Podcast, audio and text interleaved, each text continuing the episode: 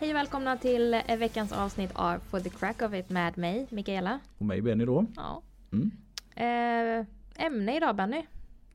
Jag hoppar rakt på det jobbiga. Ja, precis. Ja, idag hade vi inget jättebra ämne. Nej. Sådär hade vi inte. Utan vi ska vara, vi tar en liten, se lite vad, vad timmen tar sig. Mhm. Sådär tänkte vi.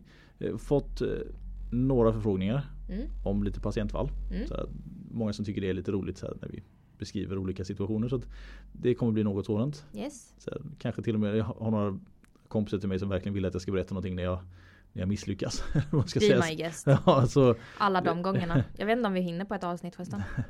Oh, the burn of my inadequacy. Så att säga. Ja, vi, vi, det, det, det finns ju lite annat. Så Mm. vi, jag ska ta upp några fall här sen. Har jag tänkt så vi kanske pratar lite om mot, mot slutet av podden tror jag. Mm. Eller mitt i, beroende på lite hur vi kör fast i, samtalsämnet eller inte. Ja men gud ja. Hur, hur det flyter. Men det finns ju många så situationer där dels kroppen framför sig inte riktigt svarar så, så som man vill att den ska svara. Ja, precis. Och det bara är så.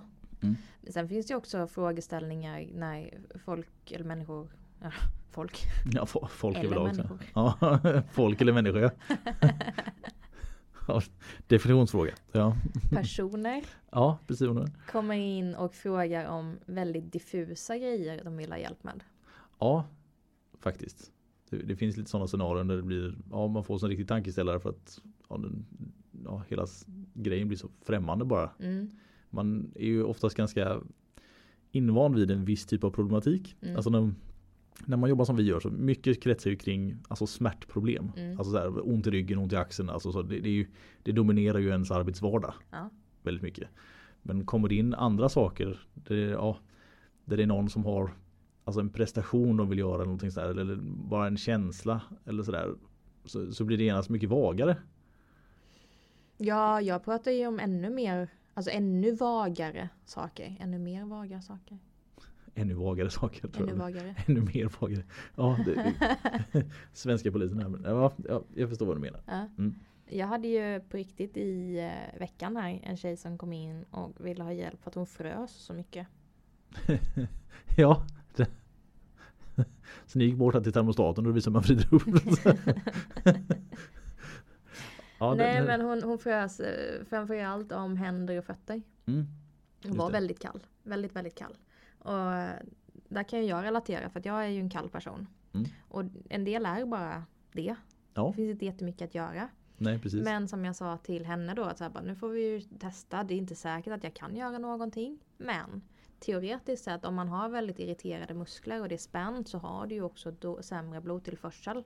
Och blodet kommer flöda långsammare. Mm. Framförallt till dina mest liksom, distala delar, det som är längst ut på Ja, kroppen. liksom händer, fötter. Näsa, Mm. händer, fing- alltså fingrar och tår. Ja, precis. Ehm, där du har liksom det kapillära nätverket. Att det, Mm. liksom, det kommer inte vara supereffektivt om du inte får jättemycket arteriellt blod. Helt klart.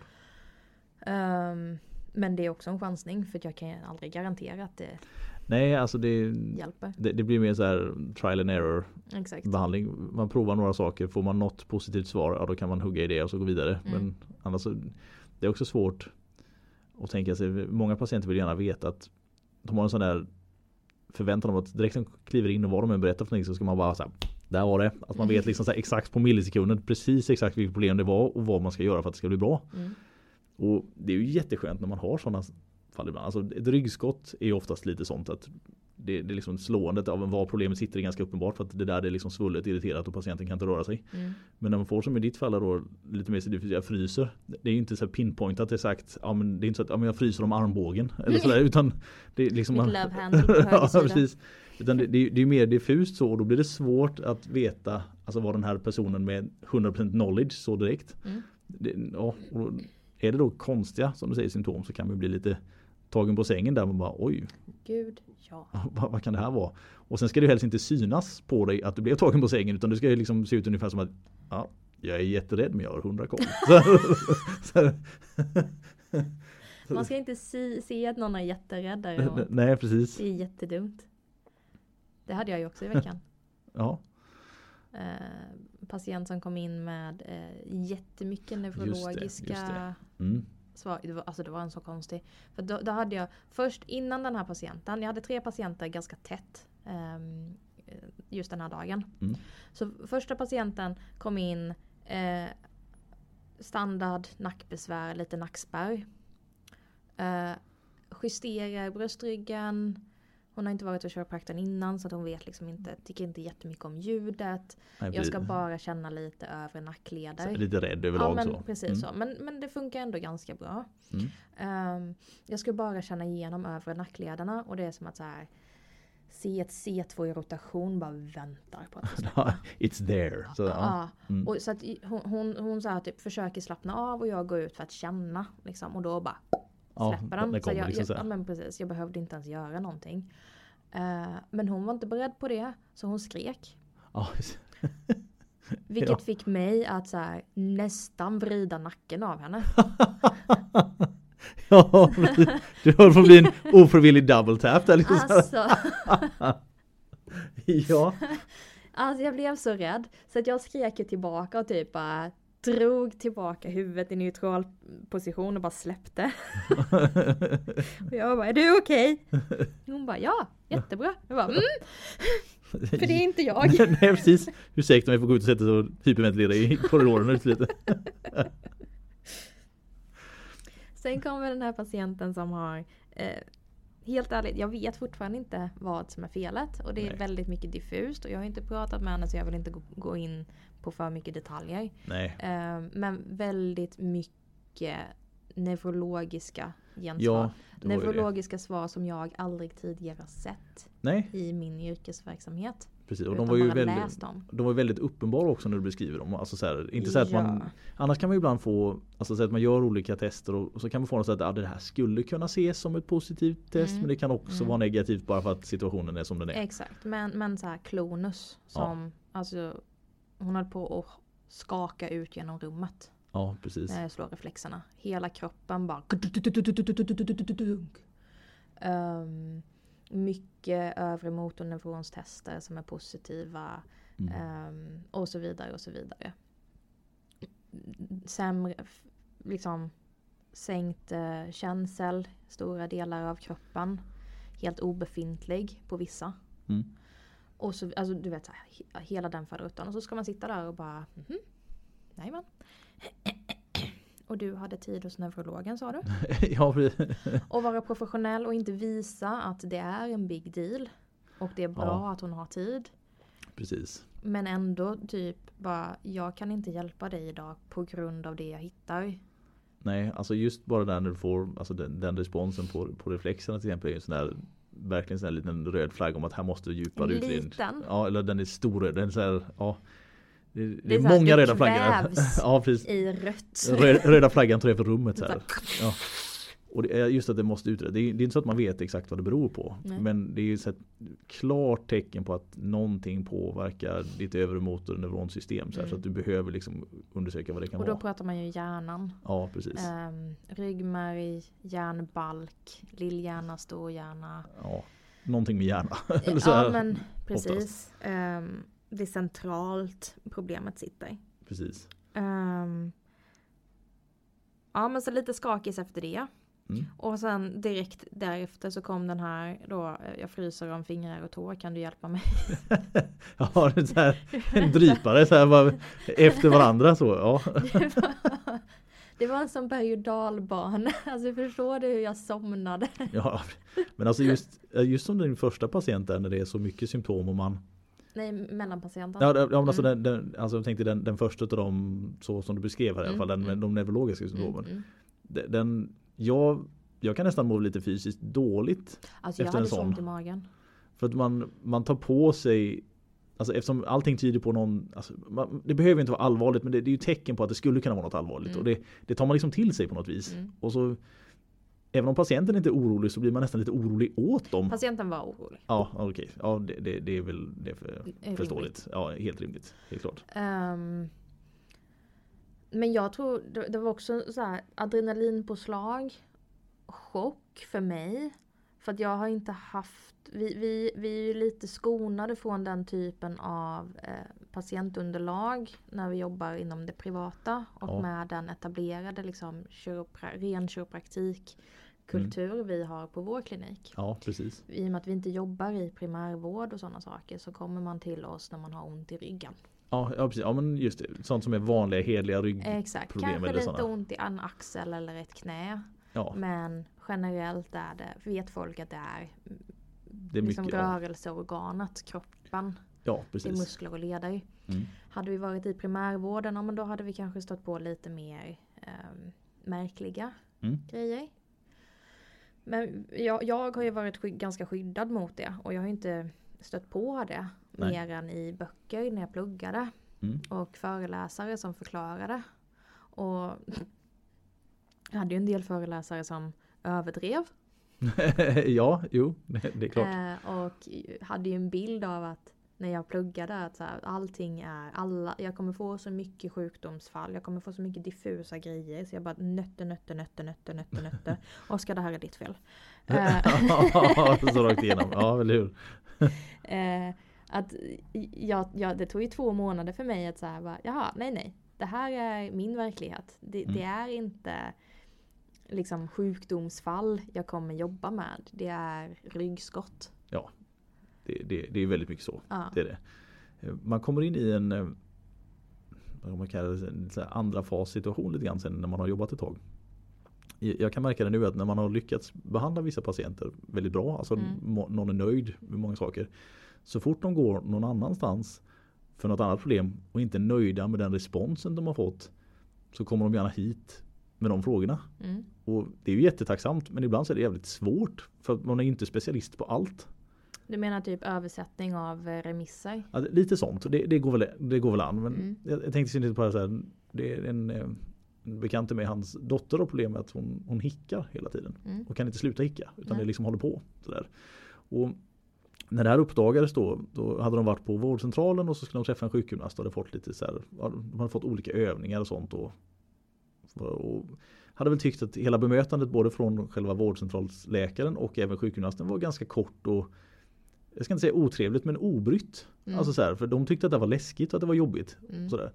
Och så bokade de in en tid, sa ingenting innan utan bara bokade in en tid Alltså i sitt eget namn då så att det var, det var pappan i fråga som har bokat sin tid. Så kom de hit och så är det då istället den tioåriga dottern som de kommer med, det är hon som har problemet. Mm. Så, och så dundrar in och så beskrivningen är bara att ja, ja det där, hon, hennes namn då, så här, hon, har, hon har hickat här nu i tre månader.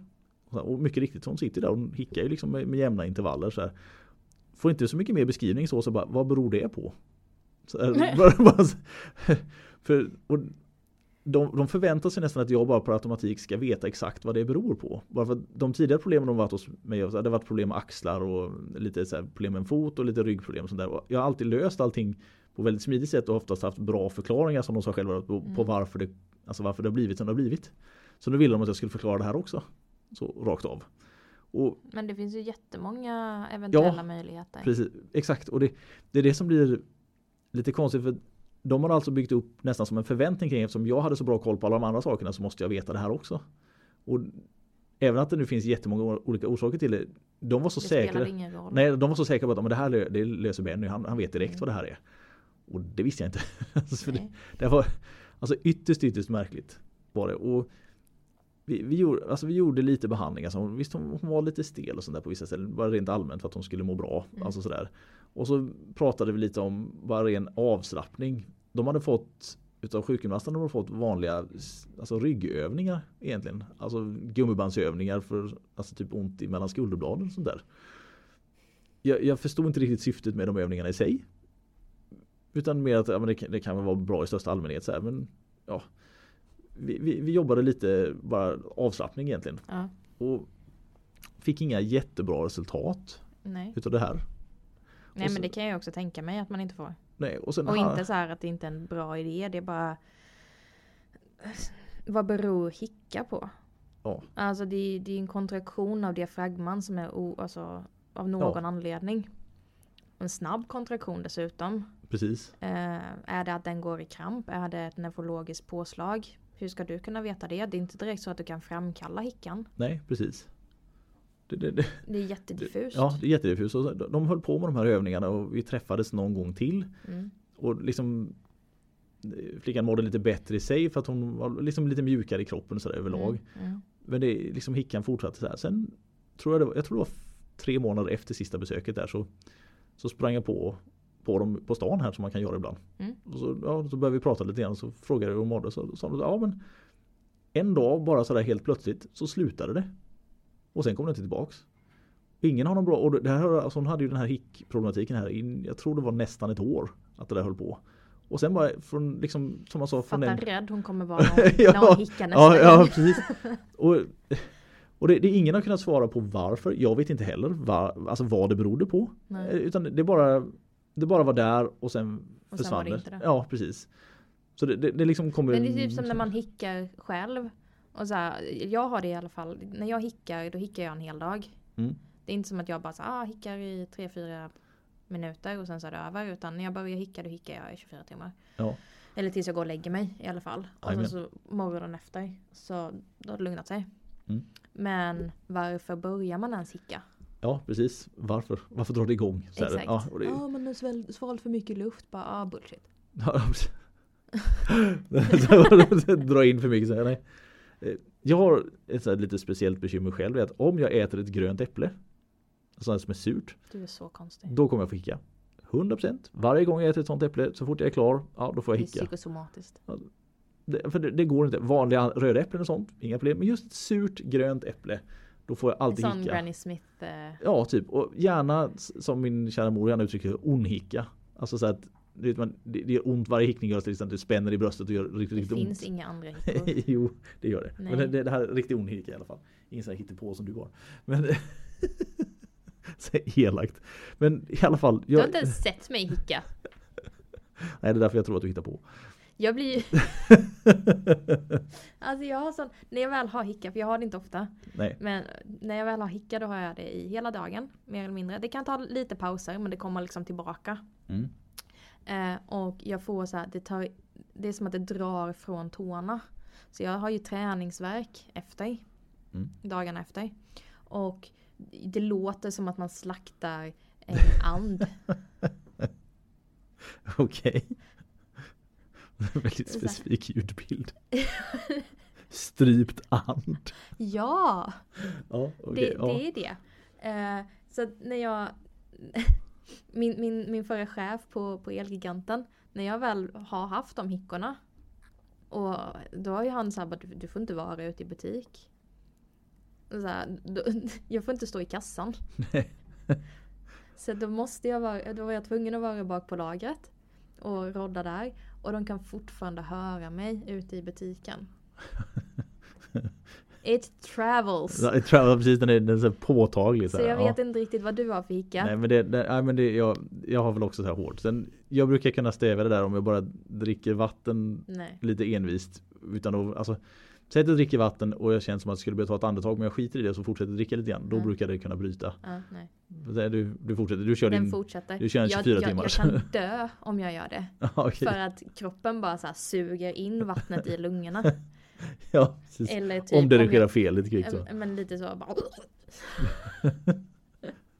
Men det, det, det är lite speciella reflexer faktiskt. Det är lite konstigt. Men Hur det fan bryter man det? Jag vet inte. Ja, Nej, men det- vi in på ett speciellt tema. Åt du några semlor i veckan? Nej, jag gjorde faktiskt inte det. Jag, jag vet att du, du åt många semlor. Definiera många. det är, på tal om så här, många semlor. Så jag, jag var nere på Skåres igår och fikade lite med en annan kollega här. Mm. Skåres är alltså det konditoriet som ligger nere i vårt hus här. Mm, det är de som fortfarande inte har sponsrat mig. Nej precis, däremot så har vi gjort så att åtminstone en utav deras familjemedlemmar har liksom köpt ett hus tror jag. Vi, vi, vi fikade nere ofta. Så här. Det är smidigt när det ligger i samma hus. Ja. Men i alla fall, jag, jag tror det var att de har gjort över 4000 semlor igår. Mm. Så här. Alltså jag tror till och med något, när vi var där så var någon annan kompis till mig som stod före i kön som frågade och då hade de gjort tills då, och det här var ju vid tre snåret 4500 semlor just den dagen. Ja. Det är, det är en jädra massa semlor men det var faktiskt kö hela dagen igår. Ja. Alltså så just för att komma fram. Jag själv är ingen jättesemmelfantast. Jag, jag kan äta någon ibland. Men ja. Du, du, du klämde fyra igår eller hur många var det? Jag åt bara tre. Du åt bara- Ja precis. Du sparade den tills idag då eller vadå? Ja. Ja, men, okej, alltså, ni- om man bara gör det någon gång om året så varför inte när man ändå frossar liksom gå all the fuck in liksom så här och äta fyra stycken. Så ja. Så, men jag, jag åt ingen igår, gjorde jag inte. Det är lugnt, jag åt för dig. Ja, ja du gjorde det verkligen. Fyra stycken. Och Jakob, våran kollega, han käkade också. En- Två. Nej, en semla när vi var, när vi var och fikade. Det, det gjorde vi. Så, ja. Nej, så det, det blev ingen semla, men just Jag vet inte riktigt om jag upplevt det de tidigare åren här eller om det var speciellt i år. För det var ett jädra drag efter just semlor i sig. Mm, förra året eh, var det högre tryck än vad jag någonsin har sett. Mm. Eh, men jag tror det var en del av eh, Jag tror det är på andra sidan pandemin Ja, på just något det. sätt. Ja, Att man liksom tar vara på allt ja, precis. nu. Det kanske blir din sista semla någonsin. Så Nej men inte, inte bara det utan så en anledning till att hitta på någonting. ja, man gör, att göra ett, man gör ett evenemang av det liksom Ja, lite men- sådär. Mm. Gud vad jag hörde levenemang. Det är en helt annan typ av party. Så nej. Kanske samma effekt beroende på hur många du äter. Ja, precis, ja, det är liksom mängden som avgör så här. Ett evenemang i alla fall. Ja. Precis, Jag, jag, jag vet inte, det är bara en teori men, men att man så här, typ, passar på att bara hitta på en, alltså, någonting Mm. trevligt. Jo men jag, jag kan tro, eh, men i och med att det var så länge när man egentligen inte skulle Alltså man, man fick vara ute och göra saker men man skulle helst Mm. hålla sig så distans och isolerad så mycket så att Det kan nog finnas ett sug efter att göra saker lite speciellt eller att även saker som tidigare var Lite såhär bara vardag Blir lite mer speciella bara för att de, man fick lite distans ifrån det. det Det kan nog säkert stämma, det tror jag. Mm, mm, Så ja, nej, men, hype i alla fall. verkligen. Så här, mycket. Och jag tittade på Nyhetsmorgon innan jag gick till jobbet så pratade om något så här var det ett semmelrecept från typ 1600-talet eller vad det var. Som de gjorde. Och den semlan såg ju inte jättetrevlig ut. så här i jämförelse med hur de ser ut idag. Men den hade säkert sina fördelar. Det var med russin och grejer i. Så att, ja. Nå, det, då börjar man ju också prata om det här med hetvägg och sån skit. Vad för någonting? Tydligen, Ja. ett traditionellt sätt att äta semlor är att du äter det i en djup skål. Ja just och det. att du Ja, häller varm mjölk ja då, då är jag med. Ja då är jag med. Då blir det en hetvägg. Ja. Tydligen. Jag vet inte, jag har aldrig ätit det. Jag tycker inte om varm mjölk. Varför skulle jag... En semla är gott som det. Ja precis. Eh, På så dåligt humör så får du Ja, prata om du det. någon håller på att förstöra semlan så det bara lackar ur här. Till och med när du beskriver det själv så blir du sur. Någon förstörde semlan och så blir det en svart blick här på andra sidan.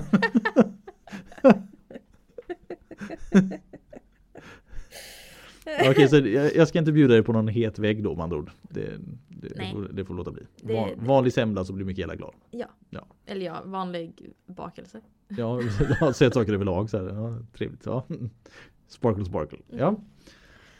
Kom jag med lite hetväggen förstörde tankebanan lite så här. Ja. Den störde mig också liksom häll- häller på varm Men mjölk. eller hur? Ja, ja. Det är samma sak, jag äter, inte, jag äter inte gröt med mjölk. Nej inte jag heller. Nej, eller hur? Äckligt, blä. Ja precis. Mm.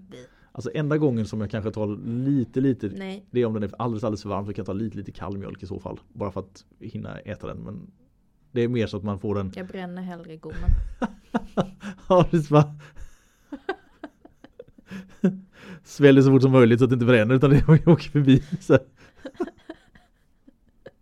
Jävla samtalsämne kom in på så bara, ja, Ingen mjölk i gröten så var det burn it istället. Så ska inte ha, ja gud vilken grej. Nej, men, men jag tycker inte om smaken av varm mjölk bara. Och tydligen är det jag som är konstig här. Mm. Har jag fått höra. Eh, men jag tycker inte alls att det stämmer för att varm mjölk är äckligt. Mm. Mjölk ska serveras kall. Ja.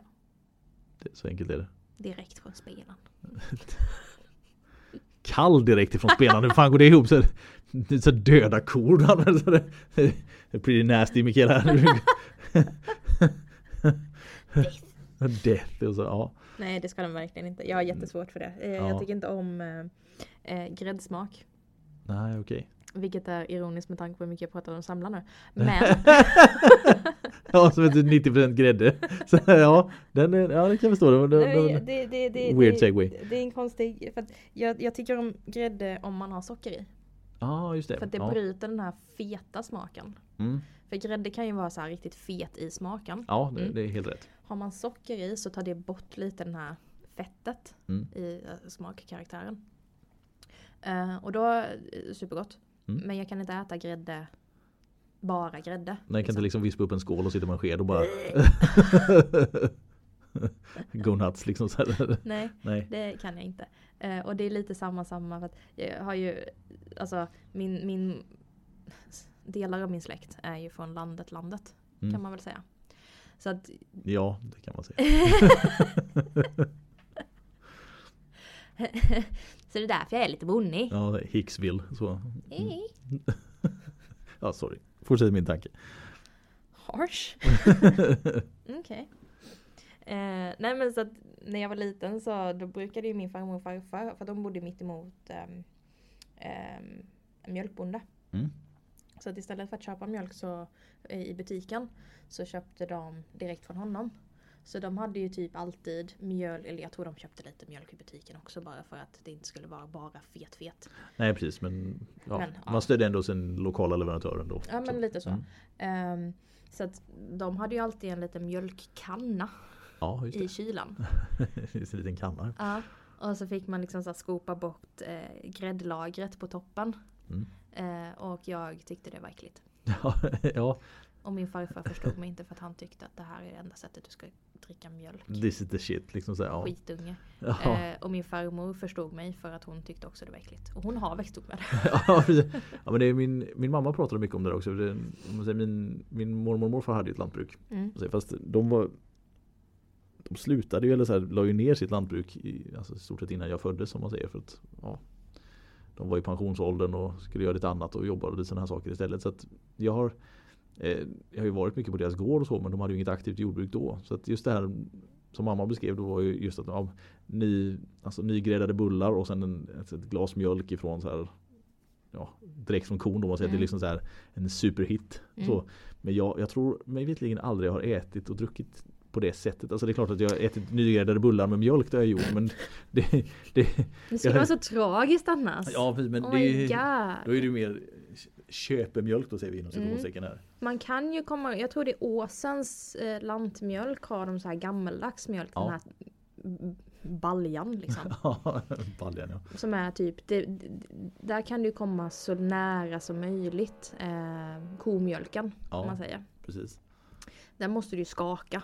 Ja, För att det liksom det är som en proteindrink. Man måste liksom så här. Ja, man, ja, men lite så. powder, liksom så här. Ja. Ehm, men eh, nej. Min farmors liksom, familjegård uh, var ju aktiv ganska länge. Eh, men de la ner uh, mjölkdjuren för ja, 15 Mm. 20 år sedan. 15-20 år sedan. Ja. Ja men så att de fanns under min uppväxt men eh, har, har inte funnits på ett tag nu om man säger. Nej men. Så att sen de la ner så har ju inte jag ätit en rå, råmjölkspannkaka.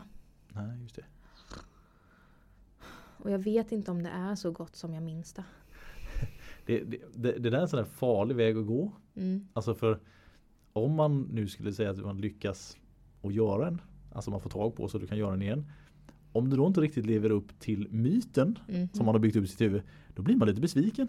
Ja. Alltså sådär. Så jag kommer ju aldrig mer äta en råmjölkspannkaka. Och jag inser också, för er som är eh, inte ifrån eh, eh, djupet av småländska skogarna, hur småländsk jag låter när jag pratar om en råmjölkspannkaka.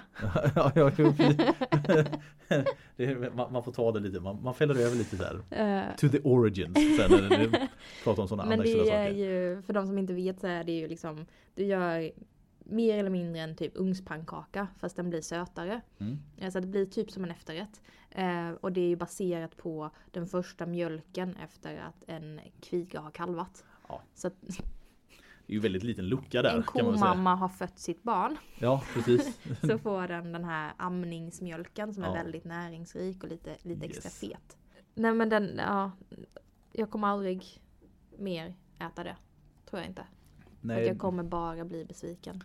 ja, det, det, det är en sån där grej. Som låt den vara en del av barndomen. Man ska Mm. säga så får den ligga kvar och lite ha ett så här fondness i så här, kom ihåg det. Jag, tror det kan vara bra att ha lite sådana saker också. Men lite så. På samma sätt som att jag, jag brukar inte En ostkaka. Är gott. Jag är ingen jättefantast. Mm, såg det på dig? Ja, precis. du grimaserade. Ja, grimaserade. Ja, nej. Ehm, men det är ju, jag minns ju den som mycket, mycket godare när den är hemmagjord och varm och direkt från ugnen. Än när man så köper Frödinges och så här typ. Ja, Så one and dozen. Exakt. Ehm, så då har man ju så här bara, mm, fast nej, jag vill inte förstöra mitt egna. Alltså, min mormor gjorde ju egen hemmagjord Mm. så här, ostkaka och sådana saker. Och jag kommer ihåg att hon gjorde även e- egen hemmagjord jordgubbssylt. Mm. Och jag tyckte väldigt mycket om jordgubbssylten. Så att, Så du åt jordgubbssylt med ostkaka? Ja precis, det var så att jag var tvungen att ta lite ostkaka för att få jordgubbssylten. Men det var ju mer, den var bara på tallriken för att man var tvungen. För att få äta sylten om man säger så. Att, ja, jag tyckte bättre om sylten, det gjorde jag. Ja, jag tycker om det. Ja, det var gott. Åh, vilket ämne vi kom in på helt Ja, plötsligt. mat. Fika. Ja, alltså gammaldags fika och grejer. Så att får nog gå ner till Skåre och köpa lite saker på vägen hem kanske. Ja, jag behöver en kaffe efter det här Ja, känner jag. bara det, bara det.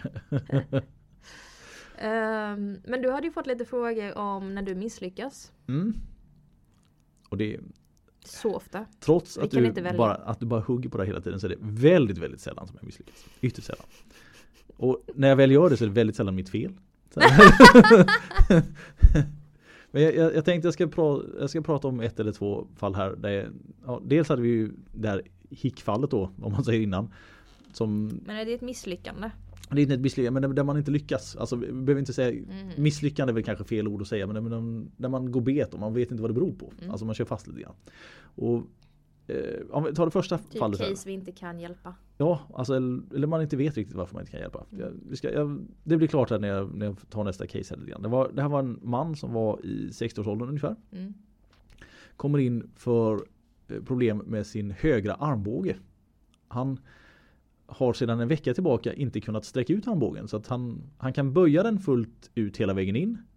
Men när han ska sträcka ut den så de sista 5-10 graderna går inte, det tar liksom stopp. Här. Typ benstopp. Ja, och det, alltså, han hade inte gett, alltså lite verk men framförallt så är det som att det går inte. Alltså det, det, det tar liksom stopp så här.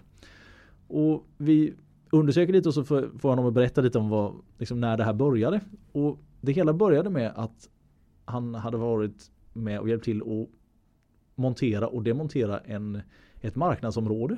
Alltså där med du vet sådana här alltså olika ja, små tält eller små hyddor och sådana som man har som man står och säljer antingen lotter eller grejer i. Mm. Och då hade han stått med en skruvdragare i handen med armen lite lätt böjd och jobba ovanför huvudet. Passande att det kommer in borrljud nu precis. det, de är autentiska så det är ingenting vi klipper in utan de bara är i bakgrunden. Det är verkligen... ja. Men han har alltså stått och monterat och demonterat så här genom att skruva med en lätt böjd armbåge ovanför huvudet. Och så har han gjort det då under ganska lång tid där under två dagar. Och då är det precis som att då fixerades armbågen i den positionen. Alltså det stod stopp där. Liksom bara pop, pop, och så gick det inte mer. Och här behandlade honom kanske tre gånger för det här. Alltså, med, alltså behandlade typ kring axeln, även försöka få loss liksom kring själva armbågen. Vi körde triggerpunkter i muskulatur och sådär.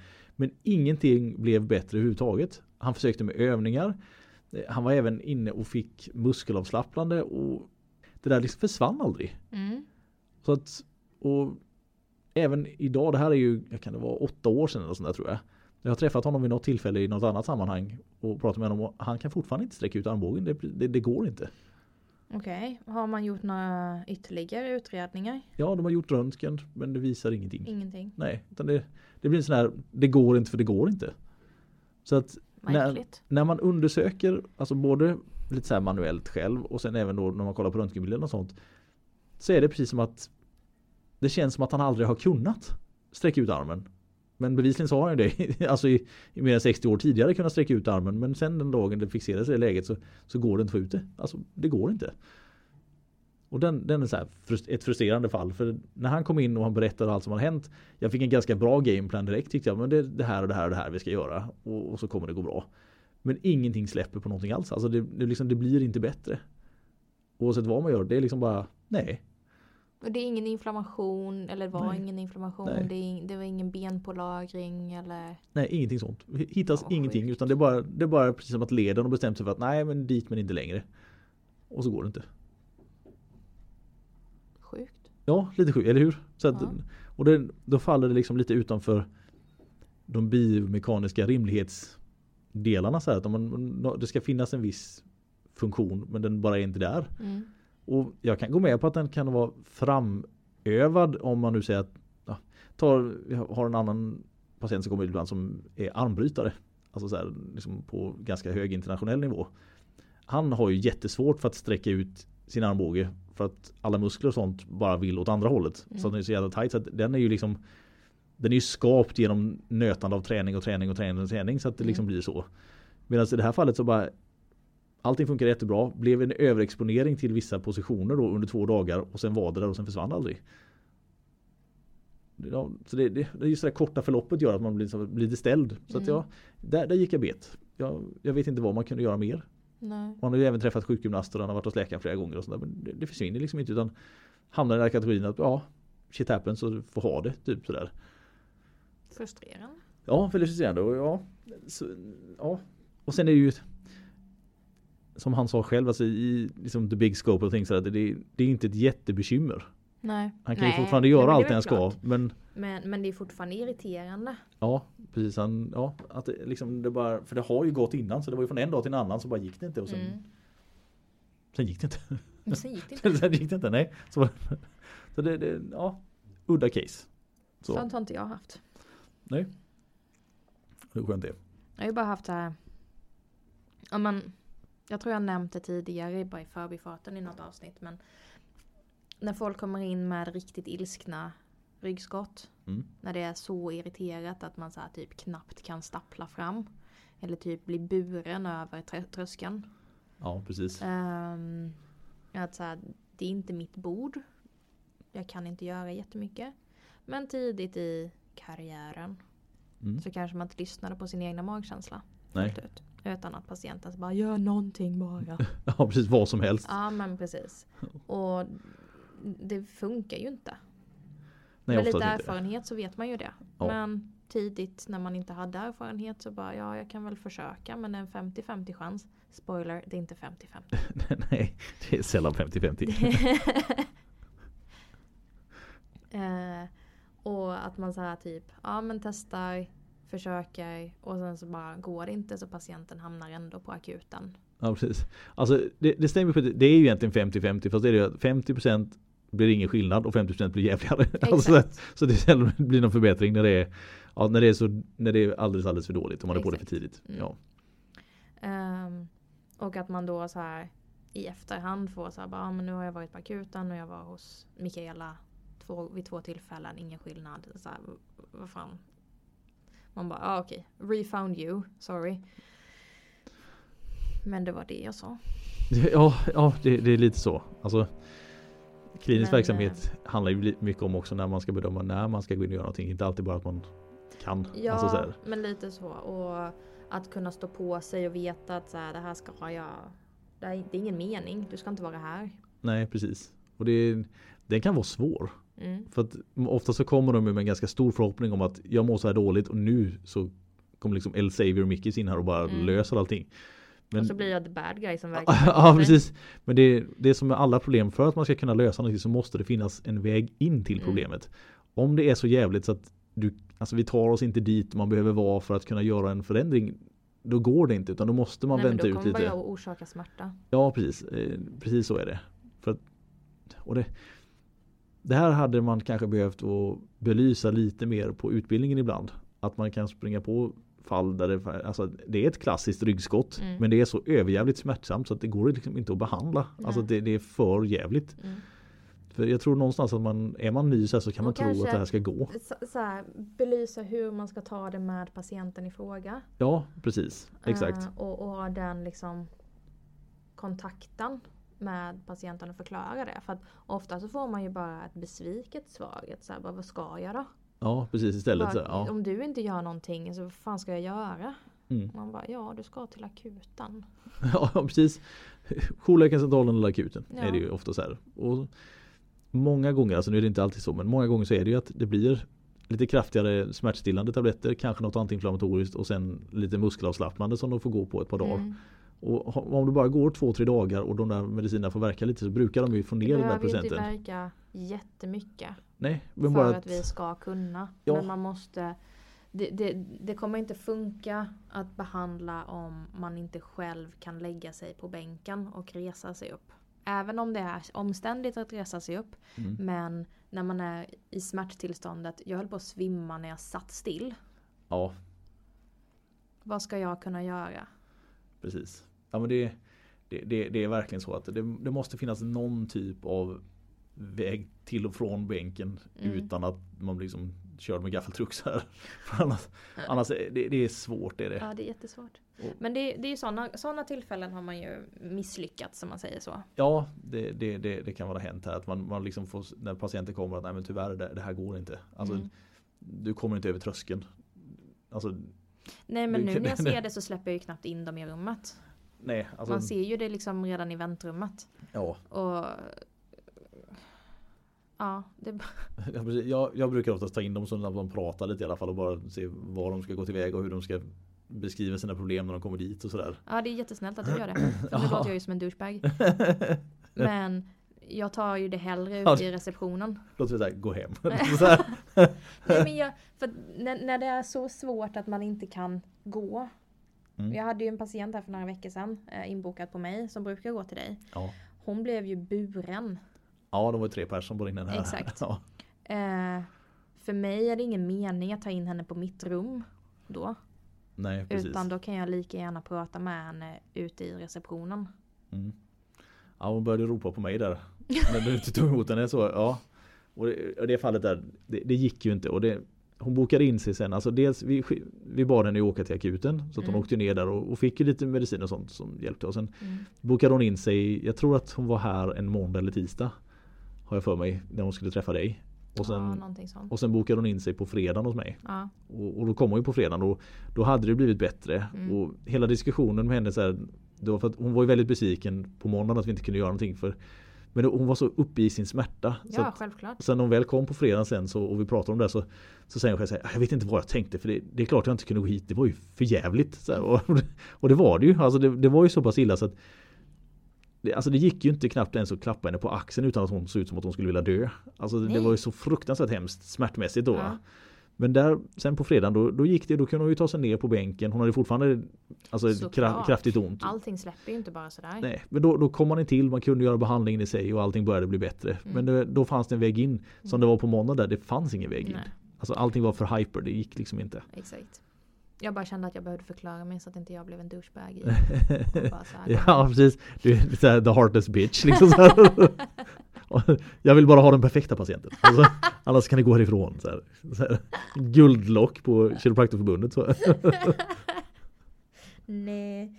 Nej, det är inte så jag menar. Men jag insåg att det kanske lät som det. Ja, det är lite lätt hänt när vi sitter och pratar att vi vet ju mycket väl att så är det inte. Men när man bara berättar en mening här så kan det tolkas som att man är lite, lite heartless. Ja. Vi ser ju hela situationen bakom Mm. fram till beslutet sådär. Och det, ja, vi, här kan jag tycka att vi är generellt ganska snälla faktiskt mot alla patienter som kommer. Det är, det är väldigt sällan som man är, spydig eller irriterad eller sådär utan oftast är det, så bra bemötande man bara kan få. Tycker jag själv i alla fall. Ja. Det, ja. ja. Jag vet inte. Jag har inte ens reflekterat över men, men självklart så är man ju så trevlig man kan och hjälper Mm. alla man kan. Ja precis. Um, klart man kan bli trött på en patient som inte förstår. Men det, Ja, tar man ju inte ut på patienten. nej och alltså det, är oftast inte det här att de inte förstår utan det jag kan bli mer trött att på de kräver saker de inte kan kräva. Ja, ja precis. Eller- sådana patienter som som de vill få väldigt mycket resultat men de gör absolut ingenting själva. Mm. Alltså så här, du, du ger dem en så här perfekt upplägg. Gör de här övningarna varje dag och sen när de kommer nästa gång. Ah, fortfarande lika ont. Så här, har du gjort övningarna så här, ah, någon gång då och då. Så jag bara, ah, jaha. De stör mig inte. Jag, jag tycker det är värre med patienter som gnäller på hur jag utför min behandling. ja. ja, det Där jag bara sa, men du förstår ju inte hur kroppen funkar. Eh, jag hade, alltså jag blev trött och då, då, då orkade jag inte riktigt så här. Jag, då blev jag... Jag vet inte om jag blev kort i tonen men jag kände hur jag stängde av lite. Mm, hade en patient som hon hade varit hos mig tidigare, fått lite problem med axeln. Eh, funkat svinbra den gången. Mm. Eh, och så kom hon sex månader senare. Hade liknande besvär, inte riktigt samma. Nej, men, Men samma samma axel, område sådär. exakt. Ja. Men de var lite an, an, annorlunda i karaktären. Ehm, hon beskrev det först, som- eller som hon sa först, jag har samma problem. Och jag bara ah, okej, och så började jag läsa igenom journalen och så bara, har du det här? Nej det har jag inte. Okej, har du det här? Nej det har jag inte. Har du det här? Nej det har jag inte. Så det var inte alls samma. nej, samma nej, axel. nej, precis. Exakt. Eh, och så behandlar jag. Och då behandlar jag lite annorlunda. Jämfört med förra gången. Mm. Och dina För fynd det var ju annorlunda. behövdes ju annorlunda. Ja, fynden var ju annorlunda så då Exakt. måste man ändra. Ja. Och den här patienten tyckte att hon hade fått ett mycket bättre behandling förra gången. För hon hade fortfarande känningar. Mm. Jag bara okej. Jag kan inte behandla någonting jag inte hittar. Nej, precis. Hon bara men eh, jag, du, gjorde, du gjorde sånt här si- sist. Jag bara ja för att du behövde det sist. Om det var så här någon form av massage på en viss muskel som hon ville ha eller så. Hon, hon var ju så här bara "Mm, jag har fått dålig behandling och det här kostar jättemycket. Jag bara okej. Tyckte du att det släppte helt hundraprocentigt förra gången? Så fort du var här? Nej, nej. Tog det några dagar innan det släppte? Ja, ja. Varför förväntar du dig att det ska släppa hundraprocentigt nu då? För uppenbarligen så gör inte din kropp det. Nej, precis. Och det är väldigt få kroppar som får en justering och bara ah, Ja precis, är allting. 100% Ja, bra ja precis 100%. det, de är roliga när de händer men det är inte, inte Det är varje så dag. jävla nice när det händer men det är sällan. Och det, Det är så här någon gång i veckan. På sin höjd. Ja, jag tror det har lite med problemets karaktär att göra också. Att många har ju byggt upp sina problem under ganska lång tid. Det är inte så att man bara har plötsligt fått ett problem utan det har ju liksom byggts upp genom dåliga rörelsemönster och allt sånt där. Och då, även om du då behandlar de mest akuta delarna så är fortfarande kroppen lite felinställd för att man Mm. gjort galet så länge. Och det måste ju liksom åtställas med kanske ett par behandlingar till eller med mycket rehabilitering där då för att det ska funka. Mm. Men det, det finns många som har så här, som du säger, lite så orimliga krav på hur bra det ska bli. Mm. Det kan jag bli irriterad på. Att så här, jag vill ha en bättre behandling. Men ja, det är jag, det är faktiskt jag som sitter och är experten på vad din kropp behöver. ja, Så precis. att om du bara lyssnar på mig och ger mig en chans. Ja, exakt. Ja, nej, det, det, det, det, jag, jag förstår din känsla. Den, den är Den jobbig. tycker jag är jobbigare. Ja, Sen är det inte alla man kan hjälpa hundraprocentigt. Såklart inte. Men där får man ofta en känsla och kan säga det och vara öppen i kommunikationen med patienten. Så det här känns lite diffust. Vi får se hur kroppen svarar på det. ja, precis. Ge det ett par dagar, jobba lite med det här. Mm. Och så får man liksom återkoppla lite, se hur det känns. Och sådär. För det är, mycket handlar också om att samla in information. Mm. Alltså egentligen, alltså man, man har en viss om man nu kallar För det att inte för... tala om effekten på kroppen första gången vi kör praktisk behandling. Ja, Jag är ganska restriktiv i hur jag behandlar första gången man, har, man går på kiropraktisk behandling. Ja. För att man kan få en överreaktion lite lättare då. ja, Så att jag går inte på hårt massage eller sådana saker. Eh, om jag inte absolut, absolut måste. Nej precis. Andra gången om man inte har märkt någon skillnad, okej då rullar vi upp ärmarna. In med Ja. armbågen. Ja precis. Let's get digging. Ja. Arkeologiskt all the way. Men första gången då är jag lite mer restriktiv. Mm. Har man varit hos kiropraktorn innan och man vet hur kroppen svarar, ja men då så, då är det en helt annan sak. Mm. Men om man aldrig har blivit justerad, man har aldrig blivit behandlad tidigare. Det kommer hända så mycket i din kropp ändå. Ja precis. Det, Det, det är onödigt att jag går och så här, typ gräver in fingrarna ner till din ändtarm. Nej precis. Det- är onödigt. Jag sa ner. Ja, ne- ja precis, ner, ja, precis. ner. Bra definition på ordet där. Eh, Det, det jag kommer att tänka på, jag hade en patient här för, apropå det här med behandlingsreaktioner. Så hade jag en, en patient som är, ja, var i ungefär samma ålder som jag är nu. Alltså någonstans kring ja, 40-45 någonstans. Mm. Eh, Har varit här tidigare för problem med ländryggen, alltså lite ryggskottstendenser och sådär som jag har behandlat och det har gått bra. Men i det här fallet så var det kraftig spänningshuvudvärk och lite nackspärrstendenser Mm. det så här, i nacken då. Och jag liksom känner igenom där och ja, det- mycket riktigt det är ju stel i skuldror och sånt som det brukar vara. Men framförallt liksom längst upp, alltså snudd på C0 C1 nivå så är det liksom ungefär som någon har hällt i cement eller sådär stenhårt. Alltså man kan ändå känna att ja, men det här är en Alltså det finns potential till rörelse här men det är liksom det är tvärstopp. Så här, Mm. här blir det liksom låsa upp där. Och liksom, jag, jag förklarar då så här att ja, eftersom vi inte behandlat nacken innan och sitter ganska hårt uppe. När jag släpper på det här så kommer det förmodligen bli ganska kraftig reaktion på det. Mm. Alltså, att- för det, ja, det, det känns som att det här kommer vara ett stort ingrepp eller vad man ska säga. Och mycket riktigt när jag får loss den upp i nacken, alltså det låter som att man bryter av en träplanka. Det är så här, alltså jättesmäll så här. Och patienten sprattlar på bänken så alltså typ när den släpper. Ja. Inte för att det gör ont utan liksom själva chocken. Ja. De säger bara liksom Alltså exakt vad han sa, åh fy helvete! Så här, var det han sa direkt efter. Så, här, ja, så här, det kändes bra och så där. Eh, det enda han säger liksom innan han ska gå därifrån liksom, allting, det är att han, han säger så att fan vad jag svettas, säger han. Mm. Så alltså, för det, och verkligen så här, det ser ut ungefär som att han har sprungit för det dryper om honom. Riktigt så här Får han ordentligt. feber? Jajamän. Ja. Alltså han, så dagen efter, här, han, han hör av sig ett par dagar senare, men dagen efter som han beskriver själv då så får han som frossa och feberkänsla. Mm. Alltså, och han kräks ett par gånger till och med. Mm. Alltså så här, riktigt, riktigt ordentligt. Så han blir lite rädd. Ja, Alltså så, så att han, han hör av sig dagen efter där. Och så säger att men, jag säger till honom om inte det här släpper så får du ju söka dig till akuten för det här är ju en ganska kraftig påslag så jag kan inte ens vara säker på om det kommer ifrån själva alltså behandlingen vi gjorde utan det, det är mycket symptom. Mm. Men då hade det börjat att lägga sig. Mm. Men han hade ju alltså jättekraftig reaktion dagen efter Mm. med just feber, frossa liknande så här och kräktes ett par gånger. Och sen lugnade sig till dagen efter det och sen dagen efter det sen så var han i stort sett symptomfri. Men just den här första reaktionen är så här, ett sånt kraftigt påslag. Ja, och sånt där är så svårt att förklara också. Ja, precis. Och han blir ju Och det är inte vanligt, det ska vi säga nej, nej, också. nej, så att nej, den. Den, den graden av eh, reaktion efter en behandling är ju inte det vanliga.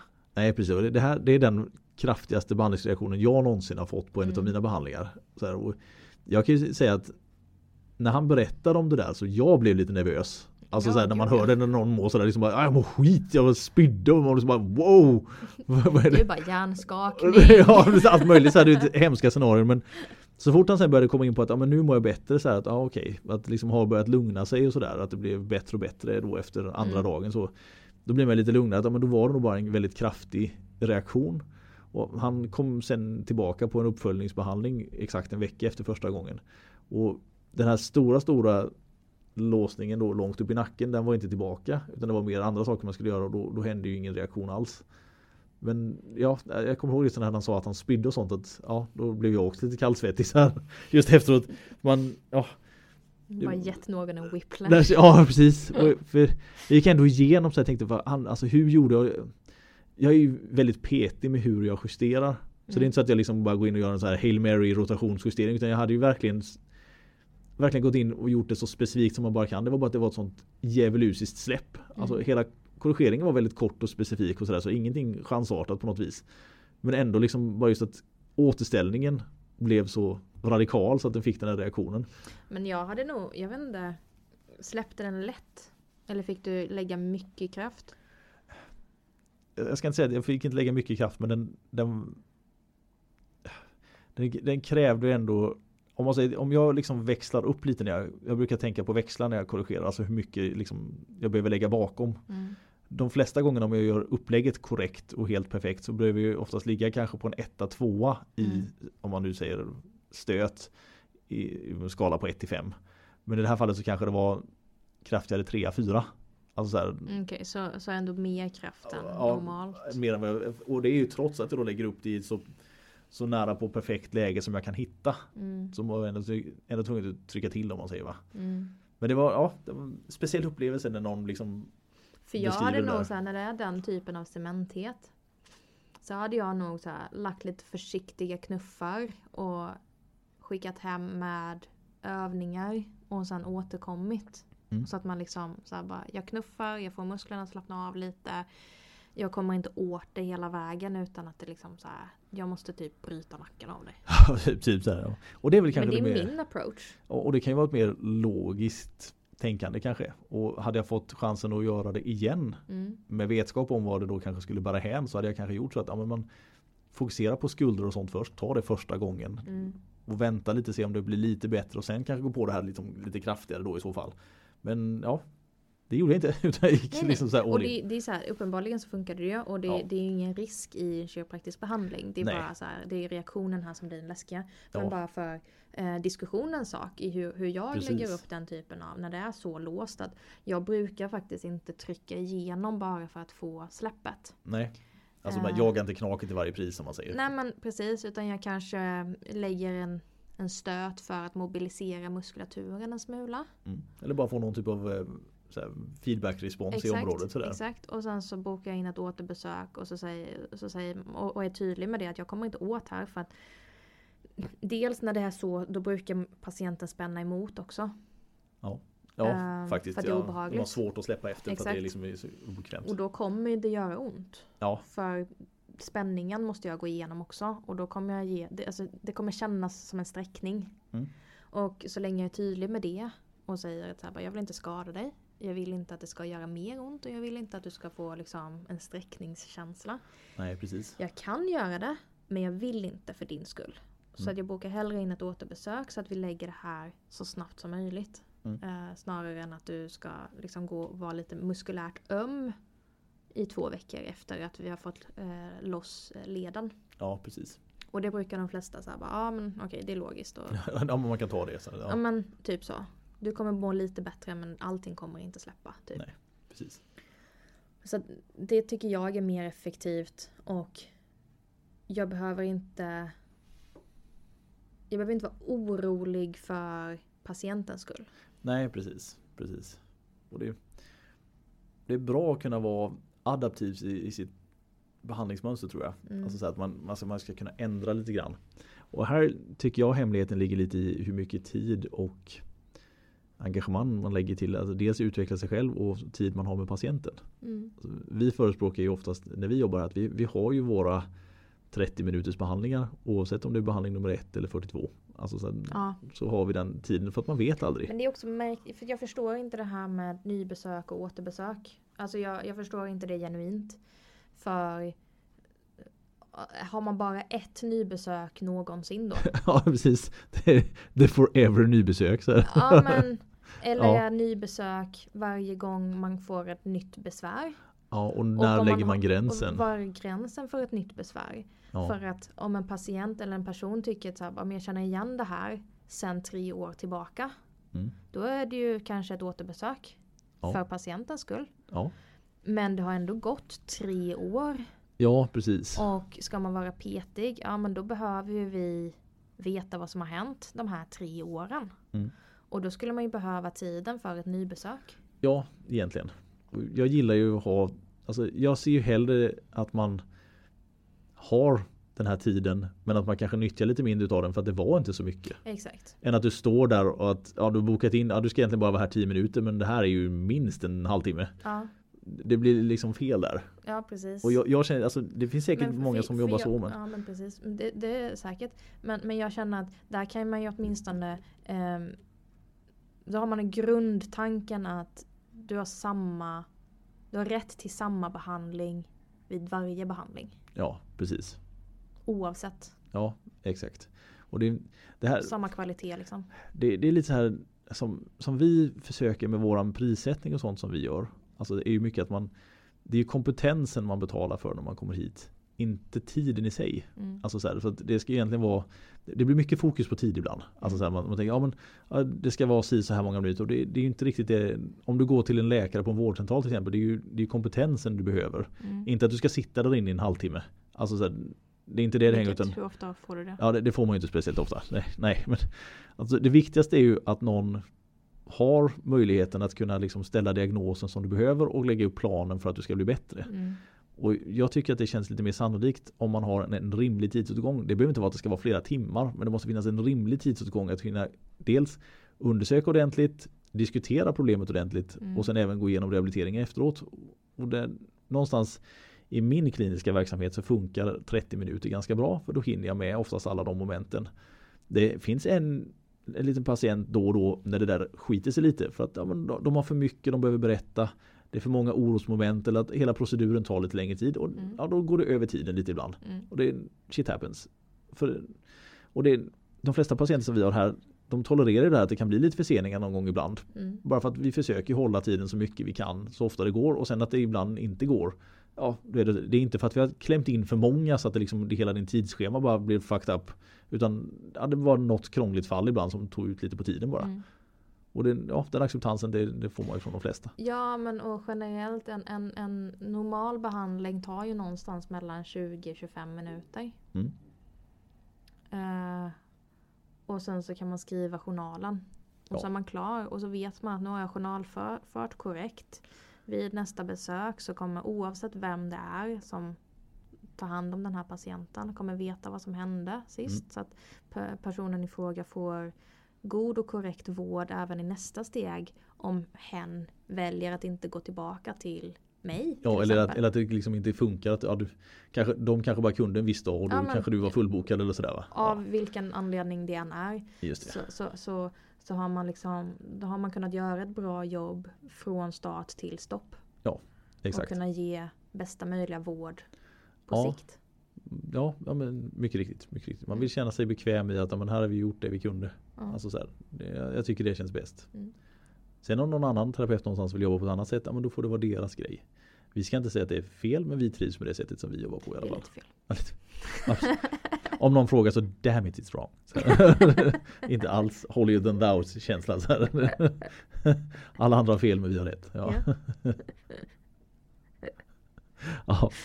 Vi, vi kanske på det med den känslan av att vi alltid har rätt som vi ska runda av. Ja, Mm. runda av. Det är väl lika bra. Ja, det känns på topp. Vi har alltid rätt. Ja, det är bra. Det är en bra känsla. Ja, eller hur? Nu ska jag kaffe tror jag. Ja, det känns som det är dags. Mm. Eh, jag hoppas att vi svarade på frågorna om misslyckanden. Det smög in några i alla fall. Vi har åtminstone pratat lite patientfall och lite eh, klinisk erfarenhetsdiskussion i alla fall. Och det, Mm. det är trevligt. Mm. Och det är, det är sånt som många gillar att lyssna på. Lite hur det, hur det går så här, när man jobbar och när det ibland inte går som man har tänkt sig. och sånt där. Precis. Så även solen har sina fläckar som man ser. Men eh, fortsätt gärna att skicka frågor som vi kan svara på eller ha som ämnen Mm. i podden. Jajamän. Det är alltid uppskattat. Eh, börjar bli svårt att komma på eh, ämnen. Eh, även om det egentligen bara, borde, bara vore att slå upp en sida i någon bok. ja, precis. Alltså, det Vi är är bra på att prata du och jag. Ja, alltså sådana här episoder som vi haft idag är ju inte oss emot att göra. Alltså att när det är vi tacksamt och Ja. trevligt. när vi bara pratar om lite så kliniska erfarenheter och grejer runt omkring. Och det, det kan vi säkert göra tusen episoder till. Gud, ja. Men man vill ju gärna ibland om det är någon som har något så att man kan snurra in på något ämne och diskutera som man kanske inte tänkte på att man Exakt. kunde ta upp. Så Mm. är det inte fel att få lite förfrågningar i alla fall. Det hade inte skadat. Eh, och det kan ni ju jättegärna skicka till eh, Växjö kiropraktorklinik på Instagram. Mm. Eh, vårt Facebook är fortfarande märkligt så att håll till Instagram är snälla. Ja precis. Chiropraktor Mickis finns jag på. Och jag på Kirobempa då. Ja, mer än så är det väl inte. Nej, vi säger så helt enkelt. Gött. Vi hörs nästa vecka. Det är vi. Tja då. Hej.